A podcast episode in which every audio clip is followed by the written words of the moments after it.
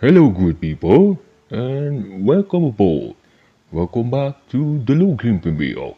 It is indeed is more inspiring. Uh, kembali lagi bersama dengan saya, uh, host Anda di podcast kali ini. Saya ingin melanjutkan uh, sesi podcast uh, sebelumnya yang mungkin temanya adalah pemanasan ya. Jadi pemanasan dan ya ngobrol ngalur ngidul nggak jelas gitu. Nah di podcast kali ini sudah cukup malam, waktu menunjukkan pukul 10 malam. Jadi saya rasa ini jauh lebih senyap ya, jauh lebih hening dan jauh lebih sunyi daripada sesi perekaman podcast sebelumnya.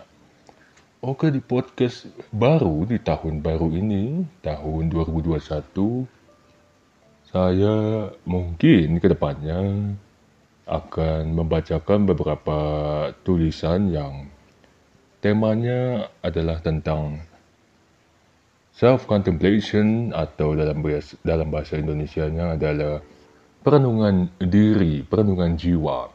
Uh, sebuah bacaan singkat yang dapat membuat kita untuk berhenti sejenak dan meluangkan waktu kita meluang, meluangkan ya meluangkan waktu kita uh, untuk berpikir dan ya berkontemplasi gitu. I know it's a little bit of bullshit, but yeah, uh, somehow uh, sometimes we need to be we need all all of us all of us need a little bullshit to continue uh, in our living process. Yeah. Uh, kali ini saya ingin ngobrolin tentang uh, apa ya ya. Oke, mungkin sedikit update saja. Kalau saya ingin saya saya, saya ingin banget ini uh, dari kemarin bahkan mungkin dari bulan-bulan sebelumnya saya ingin mention tentang beberapa hal berikut ini. Oke, mungkin hal yang pertama adalah uh, podcast. Oke, hal yang pertama itu sendiri adalah podcast. Hal yang kedua adalah intermittent fasting Uh, dan hal yang ketiga adalah autism alias dalam bahasa Indonesia uh, autis ya. nah, mari kita mulai dulu dari hal yang paling pertama. Bersama dengan saya, Naivo J. Wangguti, uh, podcast. Jadi, kalau boleh saya cerita sedikit. Sejarah saya dengan podcast sudah lumayan panjang ya dan saya akan sedikit uh, saya akan sedikit kurangi uh, u a i u e o di sini ya, saya akan tentukan masih ada aja ya mungkin saya masih pemula ya tapi tetap saja saya rasa malam hari ini di mana mm, suasana bisa dikatakan cukup nyaman cukup uh, santai dan everything goes dark jadi ya nggak serba bright gitu seperti siang hari. Eh, namanya juga malam hari ya mungkin gelap lah ya. Jadi eh, suasananya bisa dibilang Eh, remang-remang begitu mungkin sambil saya sekarang sedang uh, memberikan suara saya di sini di podcast recording session saya kali ini. Dan juga sambil mendengarkan musik dari Gymnopedi ya maksudnya musik dari Eric Satie yang berjudul Gymnopedi Number One. Ya karena Gymnopedinya itu nomor satu kalau nggak salah. Kalau gimnopedi nomor dua tuh beda gitu. Nggak enak gitu. Yang enak tuh nomor satu gitu. Oke okay. uh, podcast ya the first time I heard about podcast so this is gonna be bilingual between English and Indonesia uh, pertama kali saya menikmati podcast dalam hidup saya adalah tahun 2000-an kalau nggak salah tahun 2000-an ya coba saya pause dulu sedikit di sini saya ingin memastikan apakah recordingnya ini berjalan dengan sempurna atau tidak. Nanti akan saya lanjutkan kembali. Oke, okay. we are cutting the audio in one, two, three. You are listening to Delivery with Dave Language. stay tuned and we'll be back in a few minutes. Thank you for listening. Have a good day.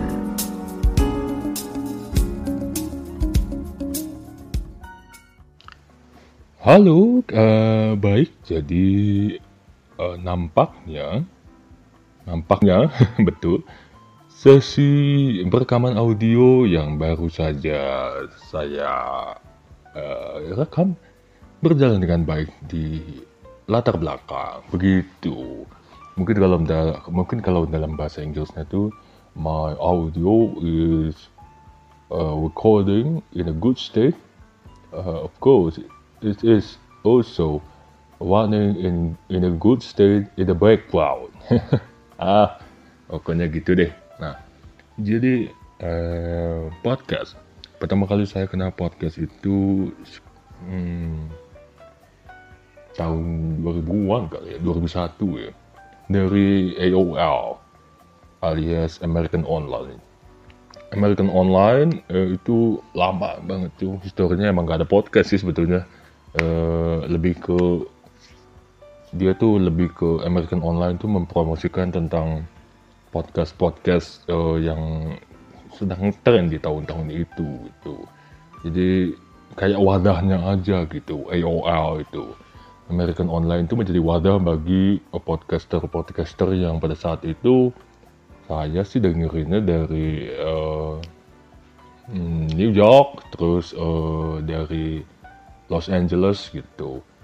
Waktu itu tuh kalau nggak salah musiknya tuh yang saya sering pilih dari podcaster-podcaster tuh yang membahas tentang uh, crimes ya, jadi kriminologi di sana dan juga tentang apa ya, seingat saya itu tentang movie ya kalau nggak salah ya. Jadi itu ya ya. Jadi belum saya heboh sekarang sih kalau bisa dibandingkan gitu dulu juga ngedengerinnya itu pakai uh, Edge gitu. Nama koneksinya tuh apa tuh? Edge atau GPRS gitu. Uh, dan bisa didengarkan melalui ponsel cuman bayarannya gila mahal banget gitu. Uh, it's, uh, well, uh, it's such a privilege for listening to podcast at those, at those times gitu. Uh, jadi menjadi sebuah wewenang yang eksklusif gitu. Tapi yang nggak semua orang bisa dicobain gitu. Dan nggak semua anak kecil pada saat itu senang ngoprek yang begitu gitu kan. Rata-rata teman-teman saya bukan ngoprek yang begitu tapi mereka ngoprek yang lain itu kayak Lego atau mungkin mainan uh, Bandai Bandai Namco gitu ya.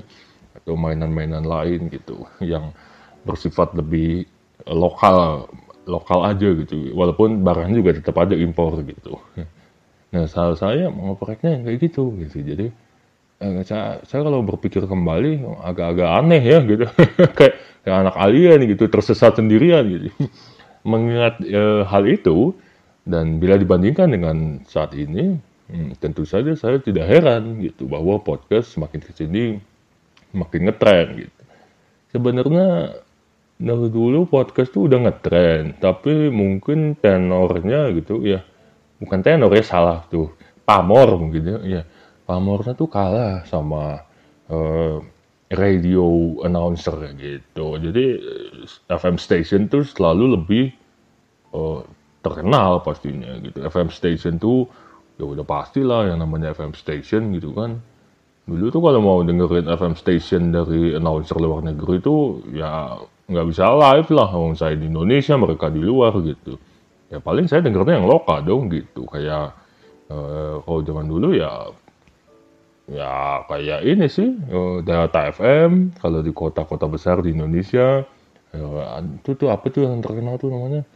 Tri tri tri apa gitu kalau saya Prambors mungkin udah ada belum ya? Tapi seingat saya yang saya dengerin dari dulu tuh ya uh, KLCBS gitu uh, uh, The Jazz Wave gitu.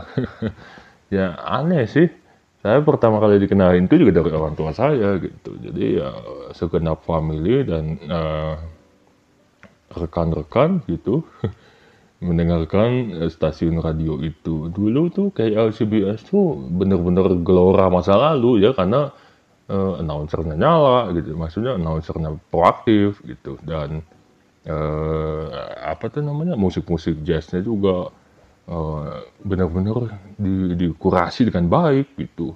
Dikumpulkan dengan baik bukan asal sekedar smooth jazz aja. Dan jujur kalau untuk saat ini saya ingin menyampaikan saja sekilas aspirasi saya bahwa kayak LCBS tuh ya bisa dibilang saya angkat tangan deh gitu. Ya nggak sanggup lagi dengerinnya karena ya apa ya udah nggak jelas gitu. Bu saya mau mau mengkritisi juga ya kalau misalnya saya bukan pemegang saham atau saya bukan uh, stakeholdernya untuk apa gitu nggak ada gunanya gitu kecuali saya, kalau memang saya foundernya dan saya ada stakeholdernya gitu atau mungkin saya diberikan privilege khusus untuk uh, memodifikasi dapur stasiun radionya gitu. ya akan mencoba meracik ulang lagu-lagu yang akan disiarkan gitu. Dan saya akan mencoba mencari uh, apa namanya konsep-konsep kreatif lainnya yang mungkin bisa menghidupkan kembali nyawa dari stasiun radio ini. Memang kolot sih radio ini, karena memang sudah ada sejak lama.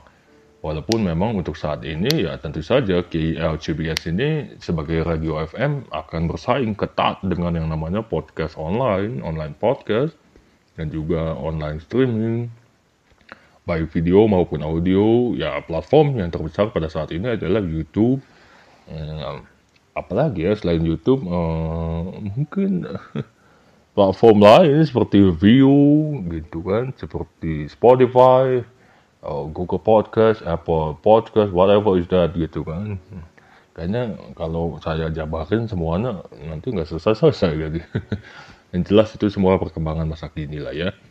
Uh, so back to the, the first reason and the first event um, when I, I caught myself listening to a podcast. Um, waktu itu tuh masih di kapal laut kalau Hmm, itu tuh sebelum naik kapal laut tuh kayaknya ada ritual gitu loh. Ritualnya tuh mainin HP udah gitu uh, ngoprek gitu tuh yang udah direkam tuh podcast yang udah direkam gitu. Memang sih podcastnya dalam bahasa Inggris gitu. Inggrisnya tuh bisa British juga bisa American gitu. Tapi tetap aja walaupun saya suka dengerin ya waktu itu statusnya saya masih agak-agak kurang gitu ya Inggrisnya belum belum berkembang seperti ya beberapa tahun belakangan gitu.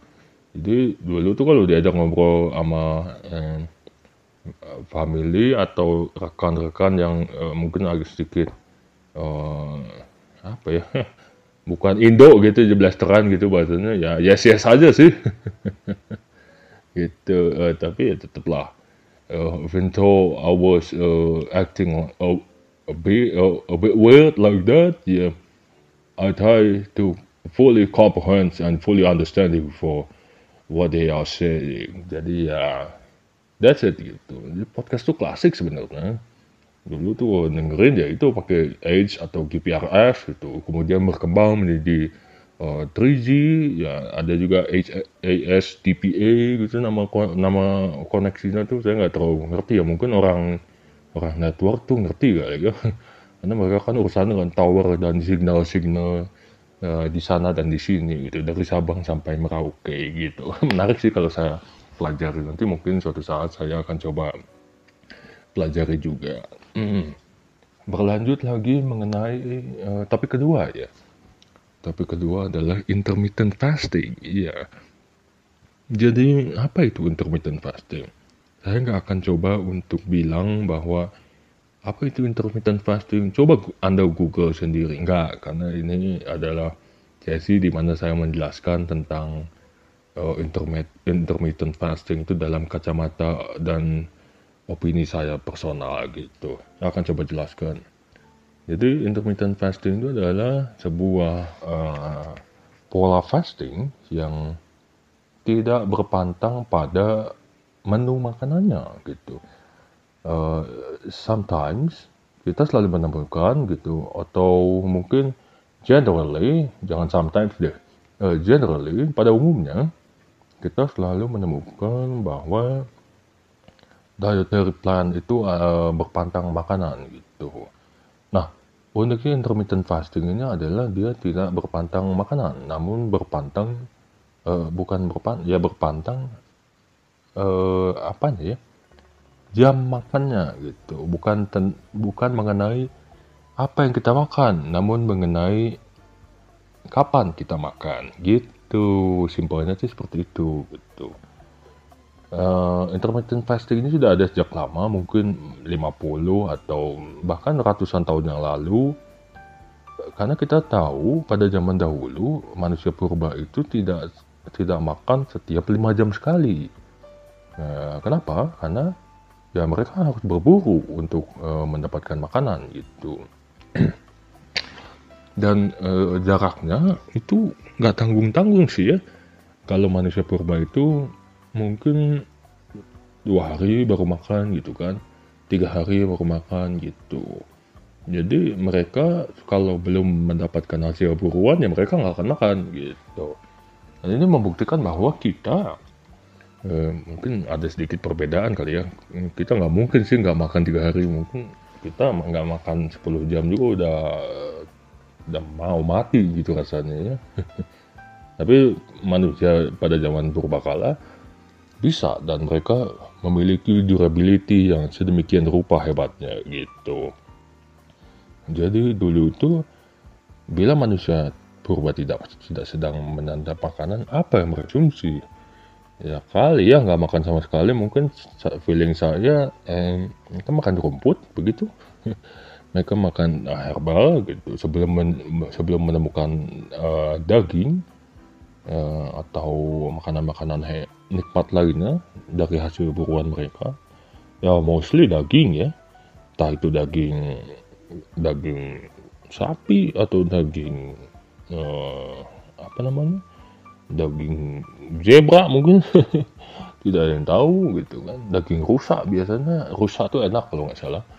Eh, jadi mereka akan memakan makanan yang bersifat apa ya bersifat vegetarian mungkin ya seperti rumput atau kacang-kacang begitu. Yang pasti mereka selalu uh, minum gitu. Minum minumnya juga bukan minum arak arak arak Bali bro. Jadi minumnya minum yang sehat-sehat gitu. Ya kali minum arak Bali kan gitu.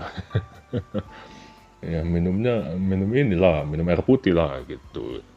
Air putihnya juga ya bukan tap water gitu kan tapi air putihnya tuh air ini apa namanya ya, air alam lah gitu model aqua gitu tapi kagak dibotolin gitu ya Jadi eh, menarik sih kalau mengulas tentang masa lalu gitu.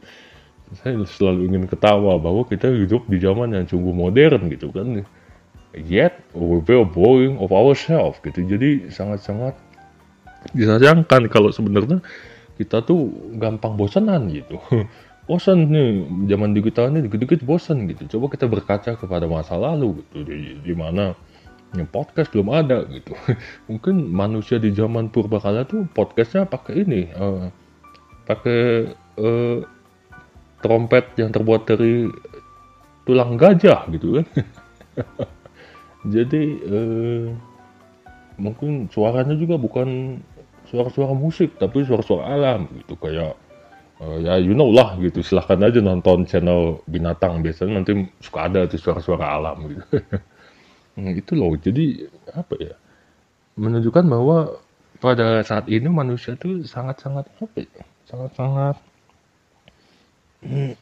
apa sempit mungkin ya pola pikirnya gitu. Coba kalau kita berpikir lebih luas. Coba kalau kita mengimajinasikan begitu diri kita ini uh, yang modern ini yang merasa superior dengan segala macam digitalisasi uh, kembali ke sebuah konsep yang sederhana gitu kita menjadi manusia purbakala yang setiap hari harus uh, berpuasa gitu, melakukan intermittent fasting gitu. Jadi tidak makan berhari-hari, hanya minum air putih gitu. Uh, hanya minum anggur merah, oh bukan, hanya minum air putih maksudnya. Dan apa namanya, uh, akan merasa sangat bahagia apabila telah berhasil mendapatkan buruan gitu, berhasil berburu maksudnya entah itu hewan darat seperti rusa atau hewan laut seperti ikan gitu. Jadi setelah itu hmm, hmm, itu kan kalau udah diburu tuh kan dibakar gitu kan malam-malam gitu. Itu celananya juga bukan dari celana jeans, bukan dari celana berbahan katun ya. Celananya juga dari kulit beruang gitu kan. Jadi itu sebuah konsep yang sangat sangat tertinggal kalau kita coba adaptasikan ke masa kini. Tapi selalu menarik, saya selalu suka karena um, beberapa kali juga uh, dalam event dalam kehidupan saya beberapa tahun belakangan ini tahun tiga tahun mungkin ya uh, saya sudah off, mulai off grade gitu. Jadi ya uh, bahasa gampangnya tuh nggak ada tuh uh, tisu untuk uh, uh, maaf ya saya sedikit bercanda di sini. Nah kalau bercandanya agak kelebihan juga apa apalah namanya juga uh, sesi ngobrol bebas gitu ya. Ya, kalau nggak ada tisu buat pas buang air besar juga nggak masalah gitu kan di alam namanya pakai yang lain kan. Jadi upgrade itu eh, apa namanya kembali menjadi manusia yang naturalnya gitu eh, jadi itu yang upgrade itu adalah ketika kita eh, menggunakan teknologi alam untuk menyambung eh, keberlangsungan proses kita dalam berkehidupan gitu. uh, apa tuh tadi? Uh, contohnya adalah Aduh nggak ada internet kalau tinggal di alam ya nggak juga lah. Anak namanya sinyal kan dari mana-mana gitu. Ya pasti ada walaupun daerah yang uh, rural atau daerah terpencil juga sinyal sudah ada. Cuman mungkin tidak sekuat di pusat kota. Dan yang pasti trafiknya juga ya uh, berbeda dengan di pusat kota gitu. Ya, lagian kalau udah di alam gitu kita nggak mikir wah harus nonton drama Korea. Apa? Enggak deh perasaan. kalau udah ada di alam tuh kadang bawaannya hmm, jalan-jalan terus ngawang dulu ke sana kemari gitu ngeliatin awan gitu kan. Ngeliatin ngeliatin serangga di pohon gitu. Atau ngeliatin burung-burung di pohon gitu kan. Terus kadang-kadang mencoba menjadi uh, arkeolog gitu. Mencoba meneliti apa yang selama ini tidak kita ketahui gitu kan kadang dunia luar itu begitu luas ya begitu lebarnya gitu.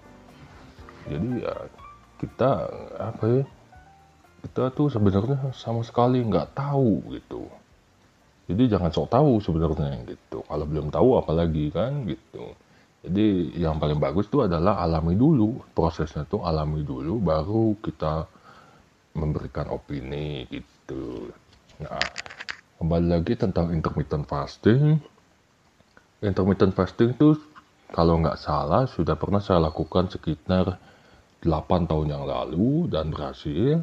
Nah, ya, kita akan membahas tentang benefitnya, saya nggak begitu apa ya nggak begitu ketat ya membahas tentang oh, dietary plan ini karena memang saya nggak lebay juga sih yang jelas saya cuma jalan aja gitu intermittent fasting itu bisa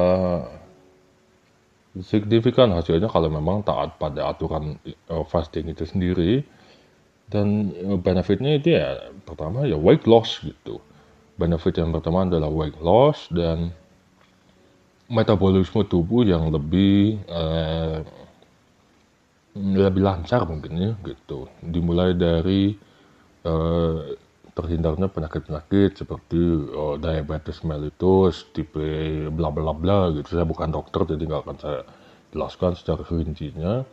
Eh, pertama kita terhindar dari diabetes mellitus, kemudian kolesterol, eh, terhindar dari penyakit jantung, dan juga terhindar dari cancer gitu. Ini saya coba lihat apakah audionya masih berjalan. Oke, sudah 18 menit ya Menarik sekali.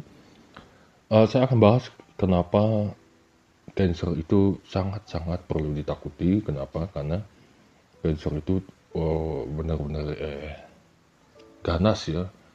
Saya eh, dunia saya dan cancer itu lumayan dekat karena orang-orang eh, terdekat dalam hidup saya sudah banyak yang tumbang dan berjatuhan dan pindah dunia gitu bahasanya pindah dunia karena cancer gitu mungkin salah satu penyebab kenapa uh, uh, intermittent fasting dapat mencegah cancer gitu.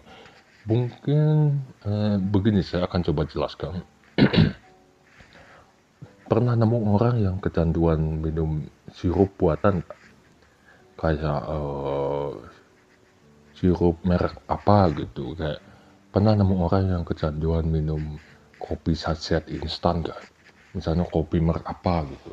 Yang dia itu minum kopinya itu dalam sehari bisa empat kali gitu. Atau minum kopinya dalam sehari bisa lima kali.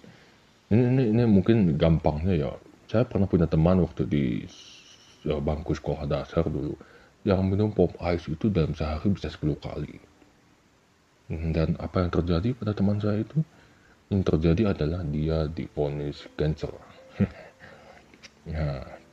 Dan selain itu selain difonis cancer dia juga difonis diabetik diabetik ya.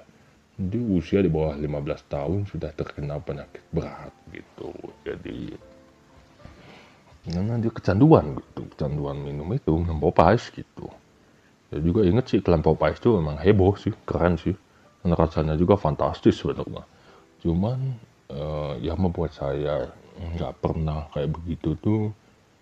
Karena hmm, kecanduan saya ada pada hal lain mungkin ya hmm, saya kecanduan ini kali ya. Kecanduan uh, apa? Uh, ya kecanduan manjat pohon mungkin ya. Jadi kayak kayak monyet gitu. Iya nggak apa-apa sih kalau kecanduan manjat pohon bagus kan badannya jadi berotot gitu kan. Tapi kalau misalnya kecanduannya yang yang lain gitu eh, itu sih dulu ya kecanduan saya dulu gitu mungkin kalau sekarang kecanduannya udah beda lagi ya. Yang jelas nggak nggak akan saya ungkapin secara gamblang juga gitu. Nah eh, itu tadi kan fruktosa dalam minuman-minuman yang eh, berasa manis itu. Minuman-minuman instan yang manis dan memiliki rasa-rasa dan pengawet buatan tentu uh, dan juga pewarna buatan gitu itu sangat berbahaya gitu. Apabila dikonsumsi secara uh, rutin dan berlebihan gitu. Kayak sehari 10 kali gitu kan ya gila gitu kan. Kalau misalnya sebulan dua kali sih nggak apa-apa gitu. Tapi kalau sehari lima kali gitu kan seminggu berarti udah berapa kali gitu kan. Hmm, tinggal dikali aja gitu. E, kalau masalah uang sih sebenarnya nggak masalah ya karena produk itu bisa dibilang harganya juga relatif murah gitu kan waktu pertama kali launching pop ice tuh harganya cuma tiga ribuan gitu lima ribuan gitu kan. Ya kalau dibeli rutin juga jadi lumayan gede sih duitnya kalau dikumpul-kumpulin kalau dihitung-hitung gitu. Cuma ya kalau buat anak-anak yang masih blow on blow on gitu kayaknya mereka nggak mikir ya. Mereka cuma pengen sedot minuman itu dan kalau udah habis eh, kalau merasa haus nanti beli lagi gitu. Ya begitu sih pengalaman saya. Nah intermittent fasting ini erat kaitannya dengan ya itu tadi kita menjadi lebih hmm, ringan gitu badannya lebih ringan dan lebih lebih, apa lebih sehat gitu. Nah ini tuh banyak sih orang di Indonesia yang bilang kalau intermittent fasting ini uh, dipopulerkan oleh salah satu artis ternama di tanah air gitu kan uh, ya siapalah gitu. Yang enggak juga sih sebenarnya intermittent fasting itu internasional gitu. Itu udah ada dari sejak dulu dan ya emang udah apa ya? Udah udah lama sih gitu. Bahkan ada yang mengklaim bahwa intermittent fasting itu adalah milik suatu etnis tertentu gitu atau suatu uh, agama tertentu atau kaum tertentu yang enggak juga bro gitu. Manusia purbakala tuh udah udah intermittent fasting. Karena mereka kalau nggak dapat hasil buruan ya nggak makan gitu. Gitu. Uh, emang manusia zaman sekarang tuh unik ya menurut mereka keren ini punya gue gitu. Ini ini ini ini ide gue gitu kan. Padahal ya belum tentu gitu. Ya kalau misalnya dunia itu adalah tentang rekap data dan arsip ya hmm, enggak juga gitu. Manusia yang berubah kala mungkin yang akan ngomong lah bro kan uh, kalau gue nggak makan hasil buruan ya gue intermittent fasting. Jadi ya intermittent fasting kan punya gue ya nggak usah dibahas sih sebenarnya nggak penting juga gitu. Nah itu poin kedua intermittent fasting. Ya silahkan dicoba gitu. Jadi simpelnya makan cuma sekali sehari atau misalnya makan cuma dua kali sehari gitu. Ya dibatasi gitu. Kapan harus makan? Atau kalau minum sih boleh kapan aja. Minum juga ya kalau bisa yang eh, air putih lah jangan air bali lah ntar lu mabok lagi. Gitu. Udah gitu poin ketiga autism hmm, ini dia menarik banget nih poin ini autism saya pertama kali bertemu dengan sosok yang mengidap autism itu pada tahun 2006 ya di Kalimantan Timur ya di Borneo. Sosoknya itu unik ya gendut. Dia dia, dia gendut. Saya saya nggak bermaksud menghina di sini tapi memang ini adalah apa yang saya temukan dan apa yang saya alami dengan kedua uh, mata saya sendiri. Ini yang saya lihat gitu jadi anak autism yang saya pertama kali ketemu itu dia diklaim ya uh, bahwa selama masa kehamilan ibunya ibunya tuh mengkonsumsi ikan yang mengandung merkuri gitu. Merkuri ya menarik. Apa itu merkuri ya? Mungkin coba kita google saja nanti. Eh, apa hubungan merkuri? Uh, ibu dalam kondisi hamil 8 bulan, 7 bulan gitu. Dan anaknya yang terlahir autism gitu. Autism itu sendiri penjelasan singkatnya adalah dia mengalami uh, hambatan dalam proses berinteraksi sosial, baik itu kontak mata maupun merespon uh, secara verbal gitu. Hmm, sebenarnya saya gampangnya tuh sudah belasan tahun, mungkin 15 tahun lebih, berada di bawah asuhan uh, tenaga ahli ya, tenaga ahli seperti uh, uh, psikolog dan psikiater gitu.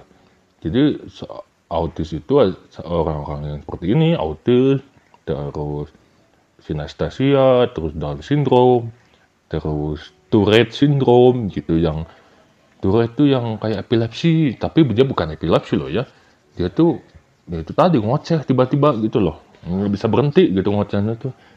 Kadang-kadang kayak gitulah pokoknya. Coba dicek di YouTube itu Tourette syndrome tuh gitu.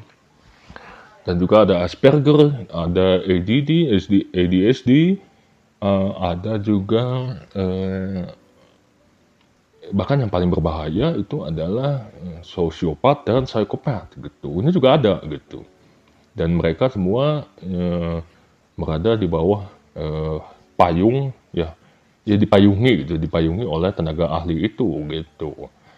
Um, belasan tahun ya itu cerita panjang dalam hidup saya gitu. Jadi oh, nggak akan saya coba bahas tuntas. Sekarang cuman saya kupas sedikit demi sedikit saja permukaan luarnya. Jadi pertama kali saya bertemu dengan sosok autism itu tahun 2006 Oh, ini apa ya? Ini membuat saya jadi bertanya-tanya nih orang ini orang autis ini kenapa ya gitu. Dia kalau dicubit dia nggak merasa sakit. Dan kalau kulitnya dibakar pakai korek gas gitu dia juga nggak merasa sakit gitu. Katanya ini autisnya udah akut gitu. Jadi ada stimulus-stimulus tertentu yang respon yang tidak merespon di otaknya gitu. Bisa dibilang ya autism ini adalah eh, bukan bukan bukan sakit jiwa ya, tapi lebih kepada kelainan ya, kelainan jiwa dan kelainan mental gitu. Jadi bukan sakit jiwa ya. Kalau sakit jiwa tuh biasanya yang depresi gitu. Coba tanyakan ini ke psikolog. Ini saya udah lama sih nggak mampir ke rumah kedua saya itu, di mana ada psikolog-psikolog di dalamnya dan hmm, memang sih yang sangat disayangkan adalah hmm, biaya sewanya gitu.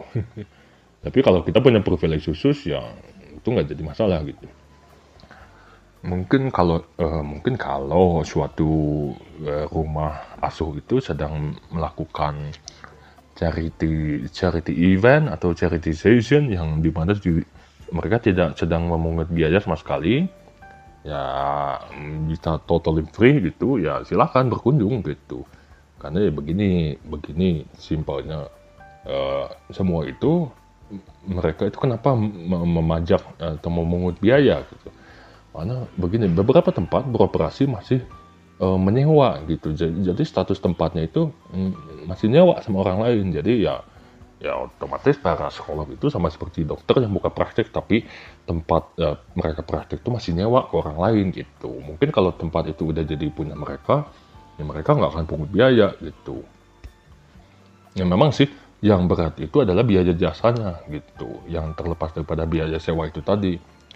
Kalau mereka meniadakan biaya, jasa ini, udah pasti kalian bisa konsultasi secara gratis gitu. Jadi ya cuma-cuma lah gitu, mau berapa jam, apalagi kalau mereka lagi moodnya lagi baik ya namanya manusia kan, walaupun dia psikolog juga pasti punya punya uh, suatu mental state dong, punya suatu moody state gitu. Ya kalau moodnya lagi baik ya silahkan berkunjung, kalau enggak ya mereka mungkin tutup gitu kalau Anda masih memaksa untuk berkunjung ya nanti mereka bisa misdiagnose gitu, bisa mispersepsi. Jadi mereka salah mendiagnosa sesuatu atau mungkin ya mereka akan mengatakan e, kondisi saya sedang tidak baik untuk eh, diajak berdiskusi. Jadi ya mohon kita bisa bertemu lagi di lain waktu. Itu loh. Jadi itu orang normal aja bisa kayak gitu loh gimana anak autis ya kan. Tuh. Nah ini anak autis ini tuh hmm, kembali lagi ya membahas soal anak autis yang satu ini. Saya waktu itu masih SMP kalau nggak salah. Ini si anak autis ini masih TK, TK besar. Jadi dia, dia, dia ini gendut, terus dia kalau dicubit itu nggak merasa sakit. Terus kalau diajak ngobrol itu matanya nggak pernah nyambung gitu. Hmm, jadi beda ya sama orang yang pemalu ya orang pemalu tuh kadang-kadang kalau diajak ngobrol tuh ya memang kontak mata alias eye contact itu mereka cenderung ke bawah tapi they listen gitu. Jadi mereka menyimak. Ini orang pemalu ya. Hmm. tapi kalau anak autis ini tuh bener-bener hmm, bisa dibilang kayak orang hmm, ke sana jadi bola matanya itu ke sana ke atas ke kiri ke bawah gitu. Kayak kayak kayak pingpong gitu ya gitu loh. Jadi mereka juga tidak merespon gitu. Dan kadang yang paling ditakutkan dari anak autis itu adalah tantrumnya gitu. Ya tantrumnya tuh hmm, ya mengerikan gitu. Gitu loh bisa. Ya, mereka bisa melukai diri sendiri gitu. Tapi bukan oh, bukan ke arah oh, self injury ya gitu kan. Kalau orang yang suka nyilat nyilatin badan sendiri tuh itu tuh kayak kecanduan gitu ya. Mereka suka dengan rasa sakitnya ya. Nah ini tuh orang ini tuh sadar gitu. Jadi mereka tuh kecanduan menyilat badan mereka sendiri tuh karena mereka suka dengan rasa sakitnya gitu. Tapi kalau si autis itu mereka kayak nggak sadar gitu. Mereka tuh dalam artian bukan menyilat badan mereka tapi ketika mereka sedang tantrum mereka eh, apa namanya bertindak impulsif gitu lompat-lompat lah, lari-lari lah gitu. Nah ini juga apa ya? Ini pengalaman saya bahwa orang-orang autis itu memang bisa dikatakan agak susah kalau disuruh diem gitu. Mereka kadang suka bubbling gitu, bubbling tuh kayak ngoceh gitu. kayak oh, ini kayak gitu gitu. Saya bukan benci ya, tapi ya memang saya sendiri sebagai ADD ya sangat sangat bertentangan dengan autis yang seperti ini gitu. Apalagi saya aja ketemu ADHD aja saya udah jiper gitu kan. Wah udah kicap gitu, anjir ini orang ribut bro gitu kan. saya pasti menjauh gitu. Karena saya dari dari semenjak saya uh, masih berada di bawah lima tahun, ketika saya batita, balita gitu kan, uh, all I need is silent gitu kan eh, 10 tahun gitu kan. Olah ini dan silent. Kalau saya tidak bisa menemukan silent saya tidak bisa hidup gitu. So my mind my mind will not uh, running my mind will not working gitu. Jadi harus benar-benar semua sep uh, kedap udara. Enggak lah mati loh enggak kedap udara enggak ada oksigen tertu mati dong jadi kedap suara bro. Bukan kedap udara. Gitu Eh, coba kita lihat ini apakah masih recording. Oke, ini podcast di tahun 2021 ini merupakan suatu level yang berbeda ya. Bila dibandingkan dengan tahun 2020 gitu. Tapi itu setahun yang lalu, ini saya nggak terlalu senang podcast juga sih. Sana. Ya, cuma kadang-kadang aja gitu. Tapi ya mungkin, mungkin saya, saya, saya berharap saya punya waktu, saya punya inspirasinya untuk selalu mengisi opini-opini saya di uh, Special Need Podcast bersama Nevo Cirangkuti ini gitu. Ya stay tune aja lah ya gitu. ya apakah topiknya relevan atau atau irrelevan ya mohon dimaklumi gitu karena ini kan adalah podcast getongan saya tidak ada uh, liability apa pun kepada orang-orang uh, and ya saya sebisa mungkin mencoba memberikan input dan output yang baik kepada di luar gitu ya. Nah kembali lagi membahas tentang autism hmm, itu tadi autism itu ya. Uh, menarik memang. Hmm, sosok sosok sosok autism kedua yang saya uh, alami dalam hidup saya dan saya temui uh, ketika saya pindah ke kota Bandung uh, itu jadi si autis ini tuh namanya Dani gitu kalau nggak salah. Nah si Dani let's say mari kita berikan nama pada sosok autis ini ya. Karena yang sebelumnya itu namanya Wima gitu. Saya lupa saja saya, saya lupa mention. Nah uh, si Dani ini dia satu jemputan sama saya. Nah dia ini nggak bisa lepas dari yang namanya FM radio. Eh, sebuah kebetulan ya kita sedang membahas tentang podcast dan dunia radio nah ini si anak autis juga nambungnya ke dunia radio ya nah, Dani ini nggak bisa lepas dari dunia radio. Jadi dia ini tiap kali kalau saya masuk jemputan itu di pagi hari dia sudah pasti mendengarkan satu stasiun radio atau satu radio station yang bernama Raka FM. Nah kalau itu di diganti channel radionya itu dia akan segera mengamuk dia akan mengamuk membabi buta gitu kan dia akan menonjok dashboard mobil gitu kan. Jadi bayangkan apabila itu adalah Mercedes-Benz cockpit gitu kan, itu sudah pasti hancur lebur gitu kan. oh my lord, jadi saya sebenarnya sangat-sangat prihatin gitu. Saya juga merasa apa yang beruntung bahwa sebenarnya saya mencoba sih untuk mencoba menenangkan si Dani ini gitu. On my first day gitu kan when I met him itu saya mencoba menenangkan itu dengan cara memberikan stimulus stimulus tertentu gitu ya seperti suara-suara gitu. Kayak mungkin oh, oh jadi katanya kata bukan kata sih saya pernah lihat di rumah biro psikologi itu bahwa anak autis ketika tantrum salah, salah satu cara untuk uh, menghentikannya adalah dengan tidak menyentuhnya. Anda tidak tidak disarankan untuk menyentuh bocah autis tersebut, apalagi ketika dia sedang tantrum gitu. Jangan disentuh, kemudian uh, Anda jangan mengoceh. Anda hanya perlu diam. Jangan jangan ocehin dia seperti, "Oh, kamu kenapa sih? Uh, kamu kok uh, dasar autis bodoh gitu kan?" Diam, diam gitu. Uh, itu itu hanya akan berakibat uh, fatal kepada bocah autis tersebut gitu. Jadi jangan coba-coba gitu. Jadi bukan jangan coba-coba ya, tapi ya, ya kalau bisa Anda diam saja gitu. Anda uh, Anda awasi dia dari jauh.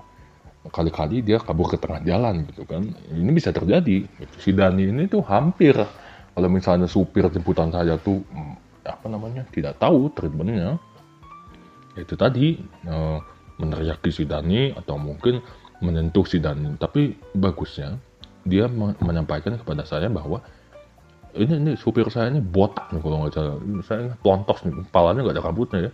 Terus dia dia dia ngomong, e, tolong semuanya di mobil ini tenang. Kita jangan ada yang bersuara sama sekali.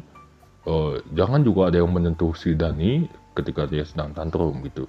Saya ingin bertanya, ya si supir saya itu berkata ya, saya ingin tanya siapa yang memindahkan channel radionya Uh, lalu ada ada satu anak, eh, ada bukan suatu anak ya, ada seorang anak yang menjawab di kursi belakang ini kayaknya juga anak baru namanya adalah Winky ya.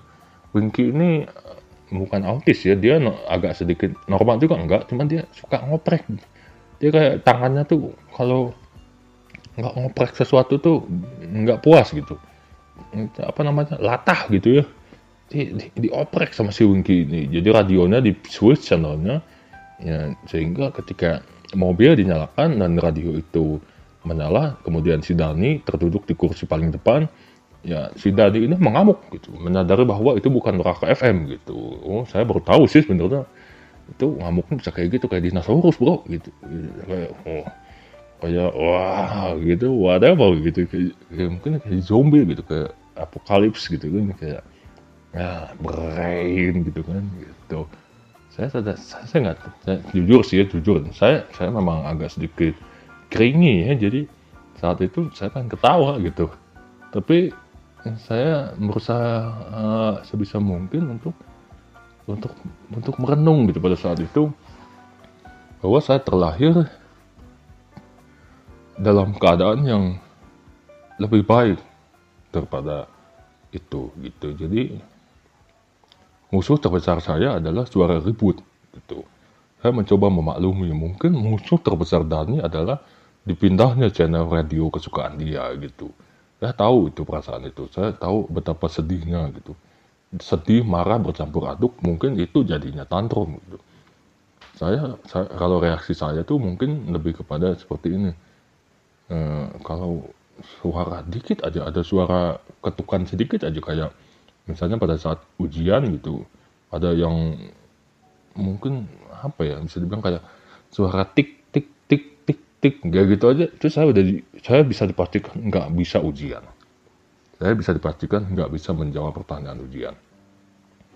Jadi itulah uh, attention deficit disorder gitu. Jadi hati-hati. Jadi saya selalu mengatakan aduh gimana ya uh, namanya juga defisit atensi gitu kan. Jadi ya perhatiannya hanya terfokus pada satu titik gitu. Ketika ada titik lain yang mengganggu seperti kita sedang fokus pada titik oh, misalnya begini deh jangan ngomongin titik deh. Kita sedang terfokus pada soal ujian matematika gitu kan. Kita sedang membaca soalnya. Tiba-tiba di sebelah kanan ada suara kayak gini. Uh, tik tik tik tik. Ternyata teman uh, di sebelah kanan tuh ada teman kita yang sedang mainin pulpennya gitu kan. Kelihatan kalau dia goblok gitu kan nggak belajar gitu. Makanya dia mainin pulpen gitu kan. Tik tik tik tik. Nah itu sangat mengganggu kita itu eh, apa ya? Nah mungkin autis itu ketika tantrum tuh sama bencinya dengan hal seperti itu. Mungkin orang normal juga benci dengan suara tik tik tik gitu. Cuman kalau saya itu bencinya 10 kali lipat gitu. Jadi uh, it's like dalam pikiran saya tuh ada it's like uh, man what's going on? gitu kan. Are you are you are, you retard gitu kan gitu. This is a sensation. Why are you taking your ballpoint gitu kan. Are you are you retard gitu kan. Are you are you are you damn fool idiot? gitu. Gitu gitu. Jadi hmm, saya sih awalnya sih pengen ketawa ngelihat si Dani kayak gitu tapi lama kelamaan saya jadi uh, kasihan ya. Ya udah saya coba sebisa mungkin deh untuk uh, pertama tidak berteriak, tidak menyentuhnya dan ya menjaganya dari hmm, gerakan-gerakan hmm, yang uh, membahayakan dia gitu. Karena si Dani ini kalau jalan dia tuh jalannya tuh tangannya ngangkat satu gitu kayak burung bangau gitu kan. Terus udah gitu ya dia jalannya kayak zombie emang beneran kayak gitu gitu. Jadi kalau dia ketabrak motor tuh ya nggak bisa disalahkan gitu. Nah saya mungkin agak sedikit alert gitu. Makanya saya mencoba untuk lindungi dia dengan cara memberikan tangan gitu. Jadi pengendara motor yang normalnya nggak tahu kalau itu tuh anak autis gitu bisa, oh mungkin saya minggir nih, ini ada bodyguardnya gitu kan. Ya nggak apa-apa lah saya jadi bodyguardnya si Dani gitu kan. Toh nggak nggak hmm, toh nggak ada ruginya juga buat saya gitu kan.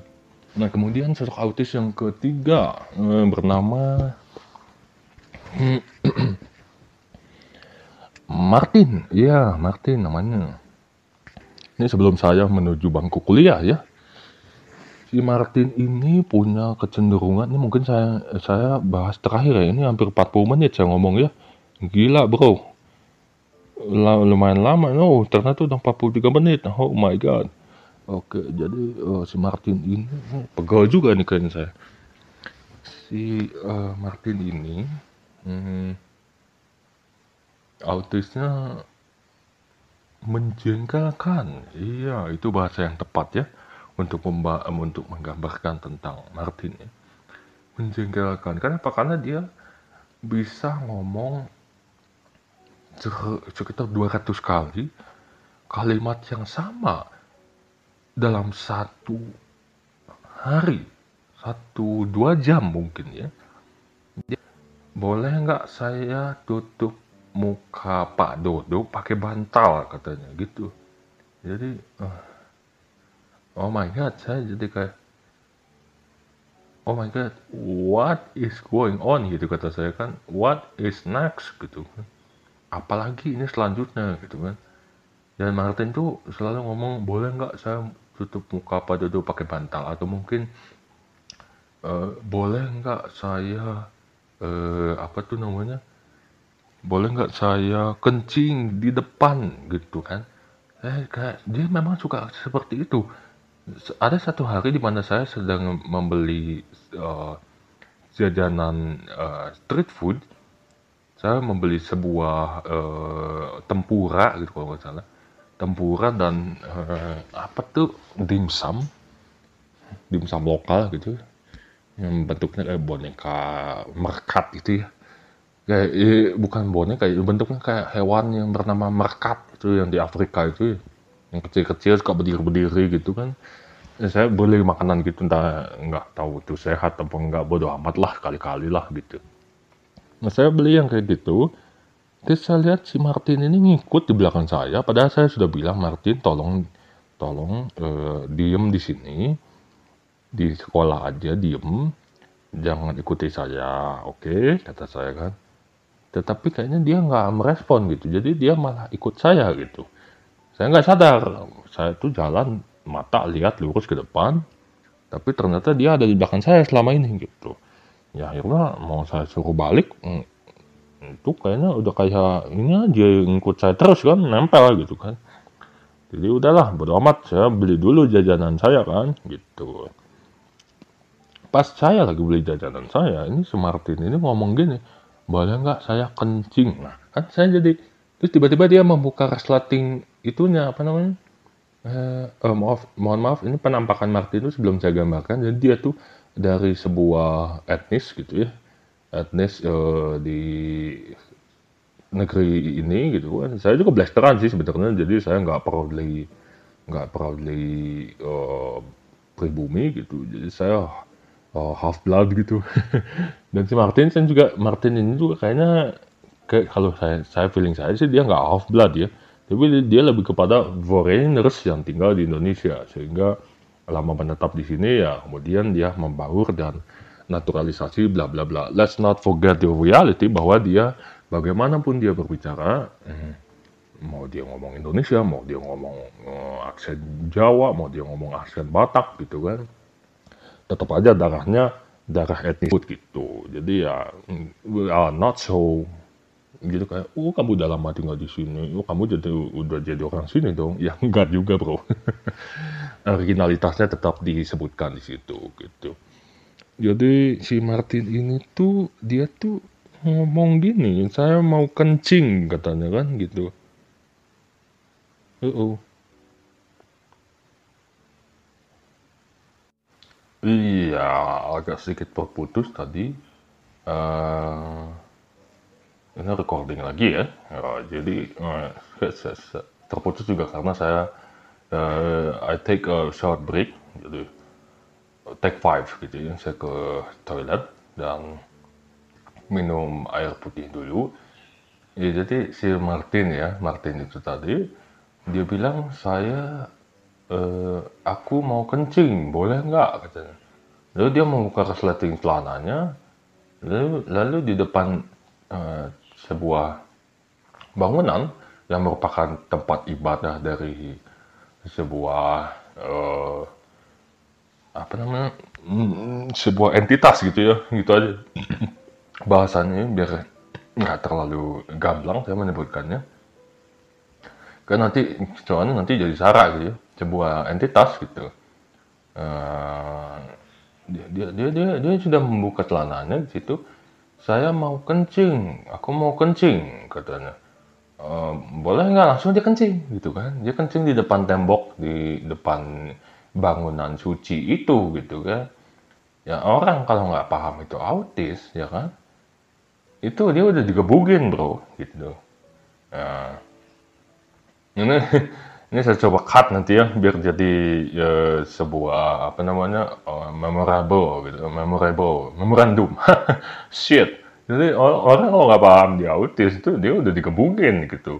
Dan saya hanya seorang diri di situ. Jadi pas pas si itu si Martin tuh udah mau digebukin gitu kan.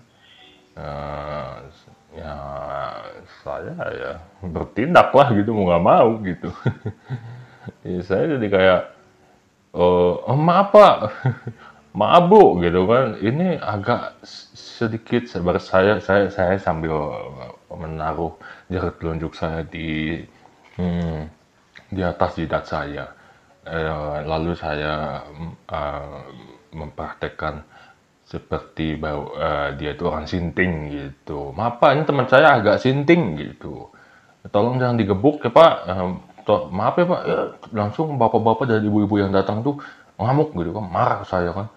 Eh, dek, oh, ini tuh bangunan suci katanya. Kok kencing depan sini? maaf ya pak, saya cuma bisa gitu kan.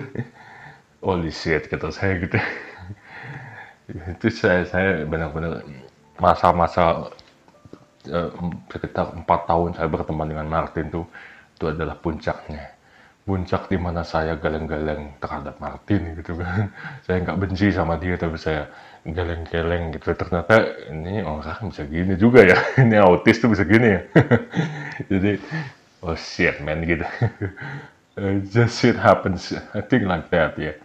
hmm. Yang jelas saya lebih memilih ini dibanding mengalami turbulensi di ketinggian 50 ribu kaki gitu.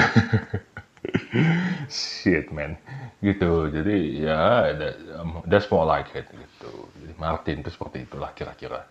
Setelah bapak ibu-ibu itu hampir demo, saya mencoba melerai gitu kan. Saya bukanlah pahlawan, tapi saya terdesak sehingga saya maaf ya Pak Bu ini saya telepon dulu sebentar orang tuanya biar datang ke sini maaf sekali lagi Pak Bu maaf ini orang agak sinting kata saya gitu jadi ya that's it gitu. Muka saya itu kayak crazy face gitu loh. Dalam hati itu saya ngomong what the fuck man? Uh, what ma what must I do? Gitu kan. What should I do? Gitu kan. Ya akhirnya saya berpikir cepat saya keluarkan handphone saya. Saya keluarkan ponsel saya dan memang kebetulan situ namanya adalah nama kontaknya adalah Ibu Martin gitu kan. Saya telepon Pak nih lihat ya ini lihat HP saya. Ini ibunya loh saya telepon ya Pak ini ibunya saya telepon mohon Bapak jangan pukuli anaknya. Ini agak sinting soalnya gitu. Saya bilang seperti demikian gitu. Ya well bahkan tukang jajanannya pun yang merupakan uh, uh, suatu pedagang yang memberikan servisnya terhadap saya mencoba iya pak maaf uh, ini ini ini dia lagi beli batagor nih temannya pak tolong jangan digebuk pak. Itu kayaknya sinting ya. Jadi tukang tukang dimsum lokal yang memberikan menjual dimsumnya dalam bentuk markat itu kayaknya begitu ya. Membalas saya gitu kan saya di dalam hati itu uh, juga berkata seperti ini oh, I will never never again gitu kata saya kan gitu. Lebih baik tinggal di hutan rimba daripada berurusan dengan yang seperti ini. Karena seingat saya saya adalah bocah yang berasal dari hutan rimba gitu kan. Eh, lebih baik dibilang Tarjan daripada ngurusin si Martin gitu kan. It's crazy man. Uh, setelah saya menelpon ibunya Martin yang juga panggilan sudah tersambung di ponsel saya saya katakan ke, kepada uh, ibunya Martin Tante mohon maaf, uh, ini Martin dengan saya bisa tolong dijemput nggak? Tante uh, pakai mobil aja gitu. Ya kebetulan orang tuanya ini agak wati gitu. Jadi jemputnya bukan pakai Toyota tapi pakai Lexus gitu. Jadi ya uh, so wow, it's okay gitu. Maybe kita bisa ya sedikit-sedikit salam tempel gitu ya ke pengurus bangunan suci tersebut gitu. Jadi uh, you know kasih kasih uang gitu, mohon maaf gitu kan gitu ya. That's how the social works, the social process works in Indonesia. That's how that's, that's how it works gitu kan gitu. Dan saya pribadi ya ya bisa dibilang saya nggak suka sih cara seperti itu tapi ya mau gimana lagi bro temboknya sudah dikotori oleh kencing si Martin gitu kan ya you know you have to pay gitu kan uh, it's crazy if you don't gitu Uh, anyway, ini podcast saya ini akan berada dalam format IGTV, YouTube, dan Spotify. Saya akan beberapa uh, buatkan beberapa ininya ya, uh, formatnya ya mungkin yang bisa ditonton di IGTV di, TV Instagram saya gitu. Uh, berbicara tentang kenapa tidak vlog saja, kenapa malah podcast ya, well, hmm, nggak tahu ya mungkin preferensi saya lebih kepada podcast gitu. Suatu masa yang indah mengingat tentang sosok-sosok autis itu pernah hadir dalam hidup saya. Uh, yang saya ingat mungkin ya nanti nanti itu there, there are more to come, there are more to come, and I believe bahwa in the future hmm, saya akan tanamkan ke dalam diri saya bahwa ikan yang mengandung merkuri itu mungkin memang berbahaya ya berefek pada janin si anak yang sedang berada dalam kandungan. Nanti anaknya jadi autis gitu. Ya saya sih ya percaya aja kalau itu memang mm, merugikan gitu. Jadi ya lebih baik makan sayur lah yang ditanam sendiri dan dipanen sendiri gitu bahasanya. Yang nggak pakai pestisida gitu hmm, ya harus ada effort lebih lah gitu. Nggak cuma keluar duit doang gitu kan kita nggak tahu proses penanamannya itu seperti apa. Proses peternakan ikannya itu seperti apa. Unless itu tadi seperti yang sudah saya mention sebelumnya unless kita mm, apa mengurusi semuanya itu dari awal gitu. Kalau untuk ibu hamil sih saya eh, ya ini udah pengalaman saya sih ya. Pengalaman saya ya susu formula buatan juga kurang bagus ya saya lebih memilih beli aja susu kedelai murni gitu kan ya, ya kali gitu ya. ya proteinnya tuh ya cukup lah gitu. Daripada beli susu kedelai yang ada di hypermarket gitu kan. Kita nggak tahu dalamnya ada apaan. Kali aja ada resep untuk membuat anak anda menjadi autis. Belilah susu kedelai ini. Kan gile bro gitu. Nah, ya kagak gitu. Gitu.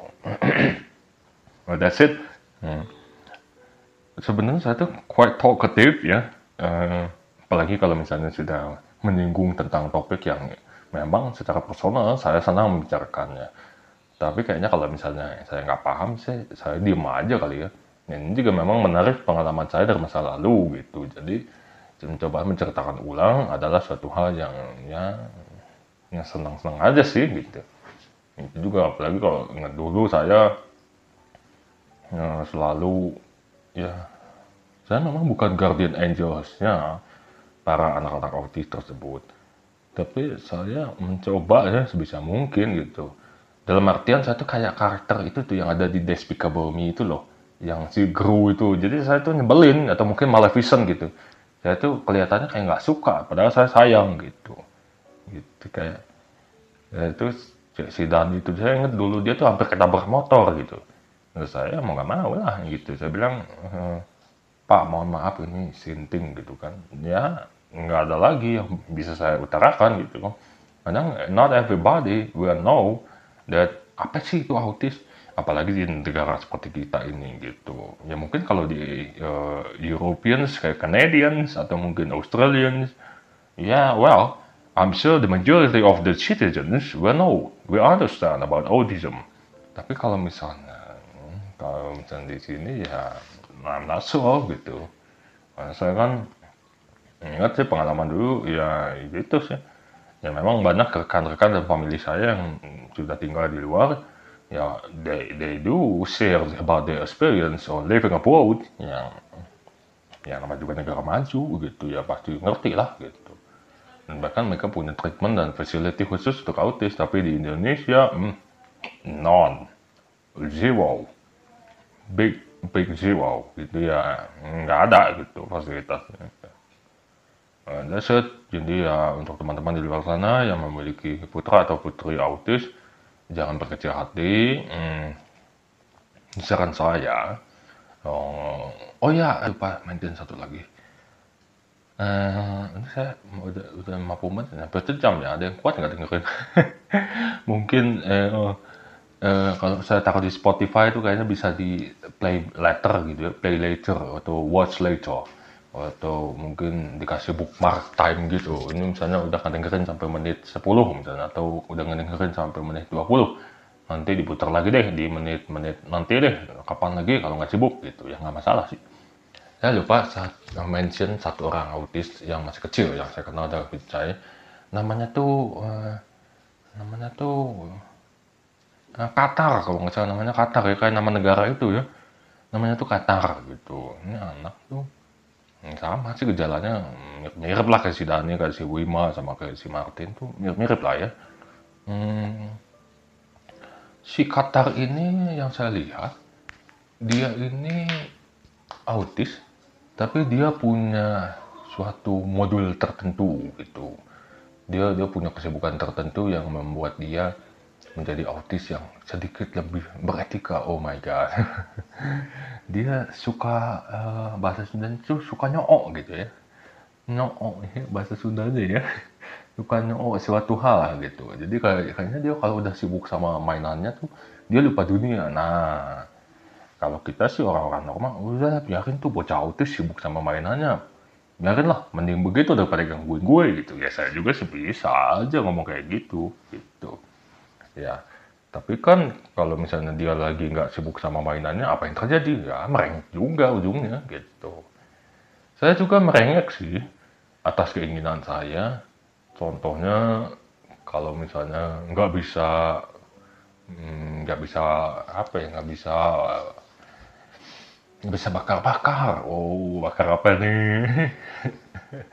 Kalau bakar-bakar hasis ya jangan lah. Coba tuh. Eh, hasis itu kan ya legal ya kalau di kita ya. Tapi kalau hasis di Arab itu kayaknya enggak deh. Atau hasis di Kanada atau hasis di oh, di Belanda gitu kan. Hmm, I'm so they all love it gitu. Hasis itu apa coba cek aja di Google gitu ya bentuknya kayak daun gitu kan and it's it, it is kalau di alam tuh kalau udah nyalain hasis tuh oke okay. Oke okay, life is good gitu kan. Jadi ya well hmm, that's it I ya. selama dalam taraf yang wajar eh, saya itu makanya atas keinginan saya itu seperti itu tadi ya. Contohnya uh, aduh nggak ada waktu buat bakar-bakar nih. Oh, bakar apa? Bakar hasis ya kan gitu. Dan yang kedua uh, nggak ada waktu buat uh, itulah gitu ya apalah gitu. Enggak lah enggak lah. Jangan berpikiran negatif ya. Jadi uh, apa ya? Uh, itu sih. Kita kalau misalnya uh, nggak nggak ke alam gitu nggak ngelihat laut tuh kayaknya cranky gitu ya. Ya sebenarnya nggak masalah kalau soal apa yang saya makan gitu kan. Hmm, kayak misalnya ya makan tempe rebus tahu rebus sih nggak masalah sih saya udah pernah alami itu selama lima tahun berturut-turut gitu kan.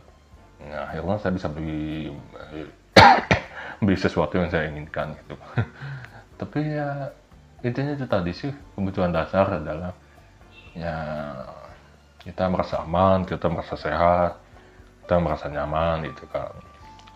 Memang kebutuhan-kebutuhan tersier hmm, sifatnya mungkin nanti lah ya. Tapi ya itu tadi kebutuhan mendasar tuh hmm, seperti uh, jasmani yang sehat terus uh, rohani yang sehat rohani hmm, rohani ya. Hmm, oke okay lah. Tapi lebih kepada mentalitas yang sehat uh, kita merasa aman kita merasa nyaman gitu uh, sebenarnya ada satu sih yang mungkin saya bahas yang akan saya bahas di podcast saya selanjutnya. Ketika kita merasa everything is not sufficient and we don't have the resource, lower your standard. I mean, I mean kita always have an alternative, an alternative solution to every matter, to every problem. Jadi sebuah masalah itu nggak hanya harus dipecahkan oleh sebuah solusi aja. Banyak solusi lain yang bisa digunakan sebagai cara untuk memecahkan masalah tersebut gitu. Contohnya in a home in a home where your rooftop is made from uh, apa ya? Yes, oh gini deh jangan soal arsitektur mungkin ya. Kayaknya nggak nyambung ya. Susah juga banyak orang yang ngerti. Jadi uh, gampangnya gini deh. Uh, mungkin nih ini agak menarik sih. Agak lucu juga. Kalau lo kecanduan Amer gitu kan. Ya nggak setiap hari mungkin lo bisa dapatkan Amer gitu kan. Ya lo pasti akan terus mencari gitu tapi lo coba berpikir gini deh. Kalau gue hari ini gak dapet Amer mungkin besok bukan besok ya kalau kalau gue lagi nggak dapet Amer ya mungkin gue akan coba beli uh, sirup ABC rasa anggur deh gitu. Ya, ya cobain aja gitu kali aja rasanya mirip. Gitu. shit happens man kayak gue kalau misalnya eh kenapa jadi gue? Ya? kayak saya kalau misalnya lagi nggak bisa bakar-bakar gitu kan ya, terus bakar apa gitu rokok ya saya nggak suka sih. Jadi ya hmm, saya coba cari yang lain deh. Oh, yang mirip-mirip kayak hasis gitu kan ya meski nggak selalu harus diisap gitu. Jadi uh, uh, mungkin uh, kita coba menyapu halaman belakang rumah gitu kan. Terus sore-sore uh, itu kan udah dingin berangin gitu kan kita kumpulin tuh daun-daun keringnya gitu. Terus udah gitu daun daun-daun kering yang kita kumpulkan itu kita bakar gitu. Terus bagaimana jadinya? Ya rasanya bukan 11 12 tapi ya 10 20 lah ya. 10 20 sama hasis gitu. Sebenarnya hasis itu sehat apalagi di Belanda. Di Belanda tuh ya, boleh loh yang kayak gitu. Hmm, di sini aja nggak boleh sih jadi merasa yang bodoh itu saya atau negaranya ya gitu loh jadi uh, otoritasnya gitu gitu yang bodoh itu saya atau otoritasnya gitu. jadi bahkan pada jurnal medis tuh hasis tuh sangat-sangat disarankan gitu sangat-sangat disarankan jadi ya mungkin itu aja kali ya untuk sesi podcast kita kali ini Nah, pertama, poin pertama sudah saya bahas tentang podcast, uh, asal-usul, sejarah, sekilasnya lah ya. Uh, itu tadi kalau coba saya kilas balik lagi, saya coba reka ulang.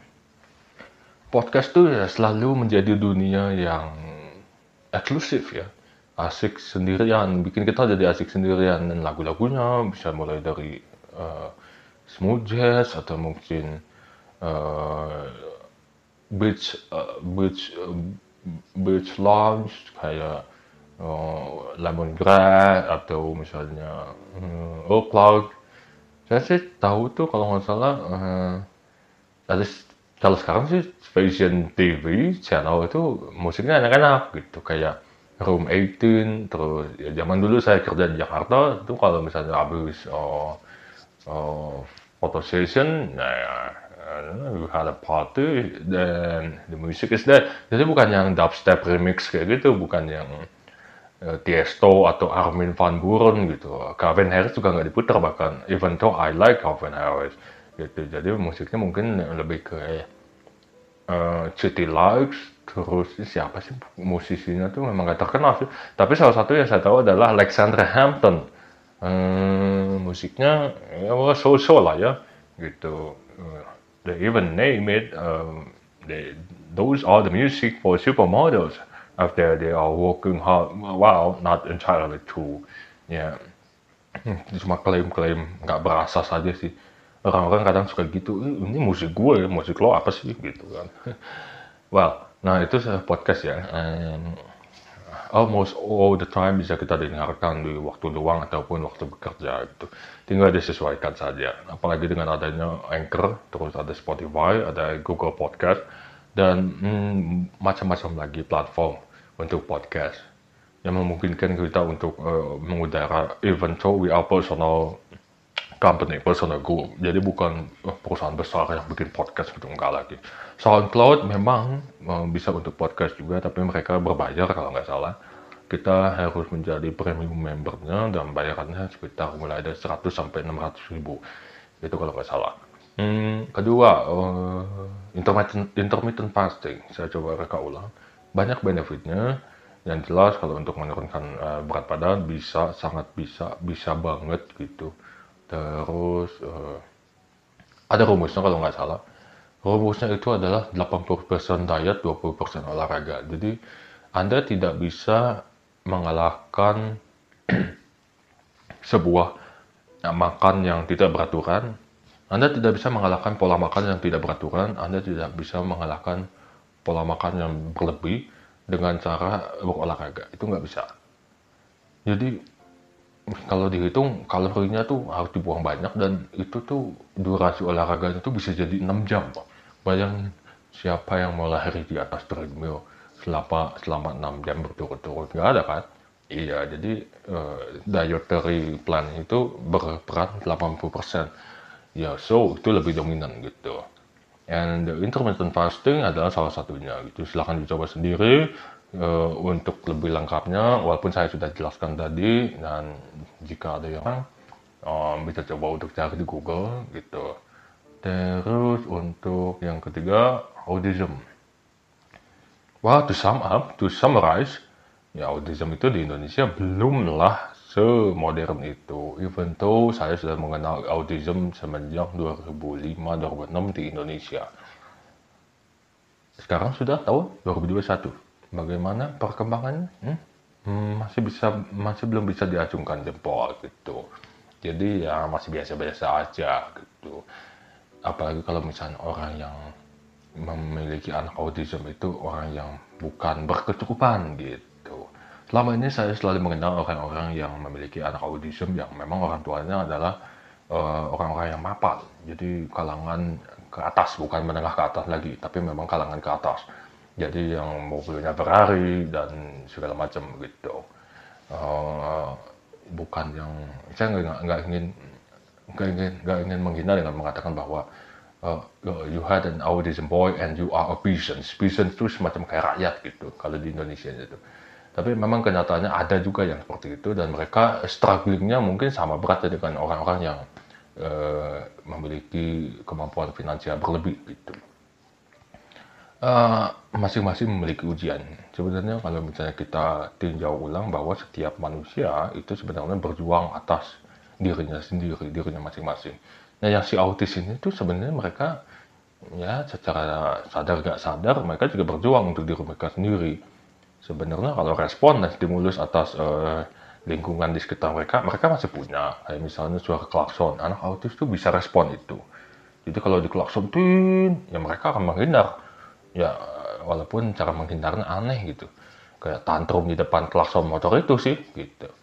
Dan orang yang ngelaksonin itu kalau nggak tahu tuh ya gitulah. Ya, kalau nggak dikasih tahu sih sebenarnya. Saya pernah melihat bocah autis yang diklakson pengendara motor dan pengendara motor tuh kayak eh, ini kenapa sih bocah malah nutupin telinganya? Terus kayak mencak-mencak di depan klakson motor hmm, malah diklaksonin terus gitu kan. Jadi ya wow harus ada orang yang bisa menjadi penengah gitu. That's it uh, tentang autism. Eh, mungkin ke depannya saya akan bahas tentang sinestesia sinestesia itu adalah eh, sebuah eh, sensori ya, sensori di mana eh, penderitanya bukan penderita ya, tapi yang memiliki kelainan ini bisa mengetahui warna, mengetahui warna ya, bukan bentuk ya, tapi kata-kata itu warna ya, dari hanya mencium. Jadi mereka menutup mata, mereka mencium sesuatu, tapi mereka tahu itu warna apa gitu. Itu kayak proses otak lagi gitu. Jadi bukan mitos klinik gitu lah, bukan dukun-dukunan gitu. Ya itu bukan dukun-dukunan gitu. Jadi ya menarik sih sinestesia. Hmm, terus psikopat sosiopat rata-rata kalau psikopat dan sosiopat itu biasanya punya latar belakang sosial ya. Latar belakang sosialnya itu dipicu oleh apa gitu. Kalau psikopat misalnya dia menjadi pembunuh berantai karena dulu dia disiksa gitu. Biasanya sih gitu jadi ya nothing special ya jadi nggak ada natural born psikopat sebenarnya gitu Selama puluhan tahun saya hidup, saya nggak pernah melihat ada yang namanya natural born psychopath.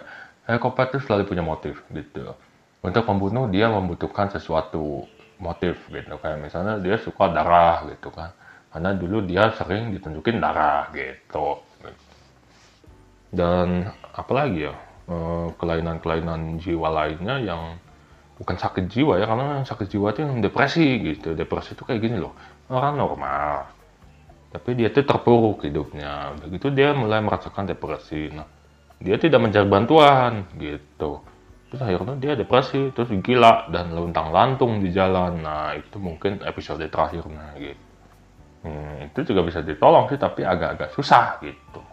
Ya ada proses gitu.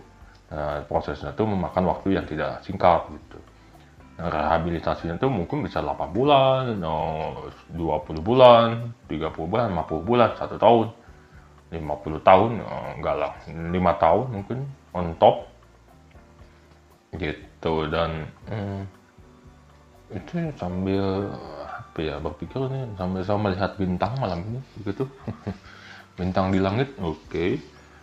hmm, saya kadang suka merenungnya mungkinkah dunia ini anjir?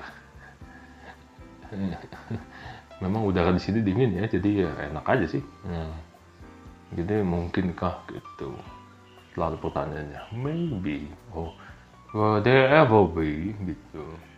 Something something so big like an alien. lama ini alien hanyalah mitos gitu. Yang kita lihat lama ini hanyalah bulan saja dan bintang-bintang di atas langit atau mungkin aurora borealis gitu. So that's it mungkin um, untuk podcast kali ini. Uh, saya belum belum belum ada kepikiran lagi untuk episode selanjutnya saya akan bahas tentang apa. Oh ini saya lupa satu lagi. Mungkin di episode selanjutnya akan saya bahas. Jadi saya akan bahas tentang bisnis di masa pandemi gitu. Bisnisnya memang ini kebanyakan orang kota yang butuh beginiannya. Karena kalau kalau anda living off grid, jadi anda tuh baca gampangnya tuh kalau anda masak dari kayu bakar, terus anda makan dari kebun belakang rumah, terus anda cuci baju itu pakai tangan gitu kan, bukan pakai mesin cuci yang membutuhkan listrik gitu kan terus Anda berkendaraan itu menggunakan kendaraan yang diisi oleh tenaga surya gitu kan. Pokoknya Anda tuh serba dari alam gitu kan. Anda bukan orang kota yang butuh listrik PLN, yang butuh oh, dividen Anda dicairkan untuk biaya kesehatan atau biaya pendidikan orang terdekat. Well, um, bisnis um, tentu Anda butuhkan. Kenapa? Karena Anda harus, anda harus mendulang uang gitu kan. Anda punya satu uh, M, Anda harus bisa membuat satu M itu menjadi 2 M gitu. Nah itu sih bisnis di masa pandemi ini banyak sih. Saya pengen ngobrolin soal Bitcoin pastinya uh, dan cryptocurrency karena uh, hmm, saya termasuk orang yang 50-50 ya. Saya meremehkan enggak, tapi menganggap serius iya gitu. Ketika Bitcoin pertama kali masuk diperkenalkan kepada pasar internasional dan sekarang lihat berapa harga Bitcoin? Hampir 300 juta. Oh my god. It's crazy oke. Okay. nah that's it mungkin. Bisnis di masa pandemi ini yang pasti oh, silabus silabus bisnis di masa pandemi ini adalah bisnis yang online sih ya. Jadi ya uh, si bisnis itu tuh menghasilkan passive income gitu. Jadi anda nggak perlu nggak perlu ke sana kemari gitu tapi nggak apa-apa sih kalau misalnya di luar sana masih ada yang hmm, masih ada yang mau uh, bekerja keras gitu tidak masalah. Tapi kalau misalnya anda living off grid dan anda have money have financial power whatever is that thing you, you do have business either it's small or big business and you can manage your daily routines well it's up to you. It's all up to you. Yang jelas selalu jaga kesehatan jangan tidur terlalu larut malam dan juga uh, what is that? jangan memaksakan diri anda pada suatu suatu circumstansi sosial yang membuat anda merasa depresi gitu. Is yourself, whatever is that, relax yourself. Saya di sini berkata seperti ini karena, well, I live simply, I live in modesty. Jadi ya nggak ribet-ribet amat sih ya yang penting bisa makan.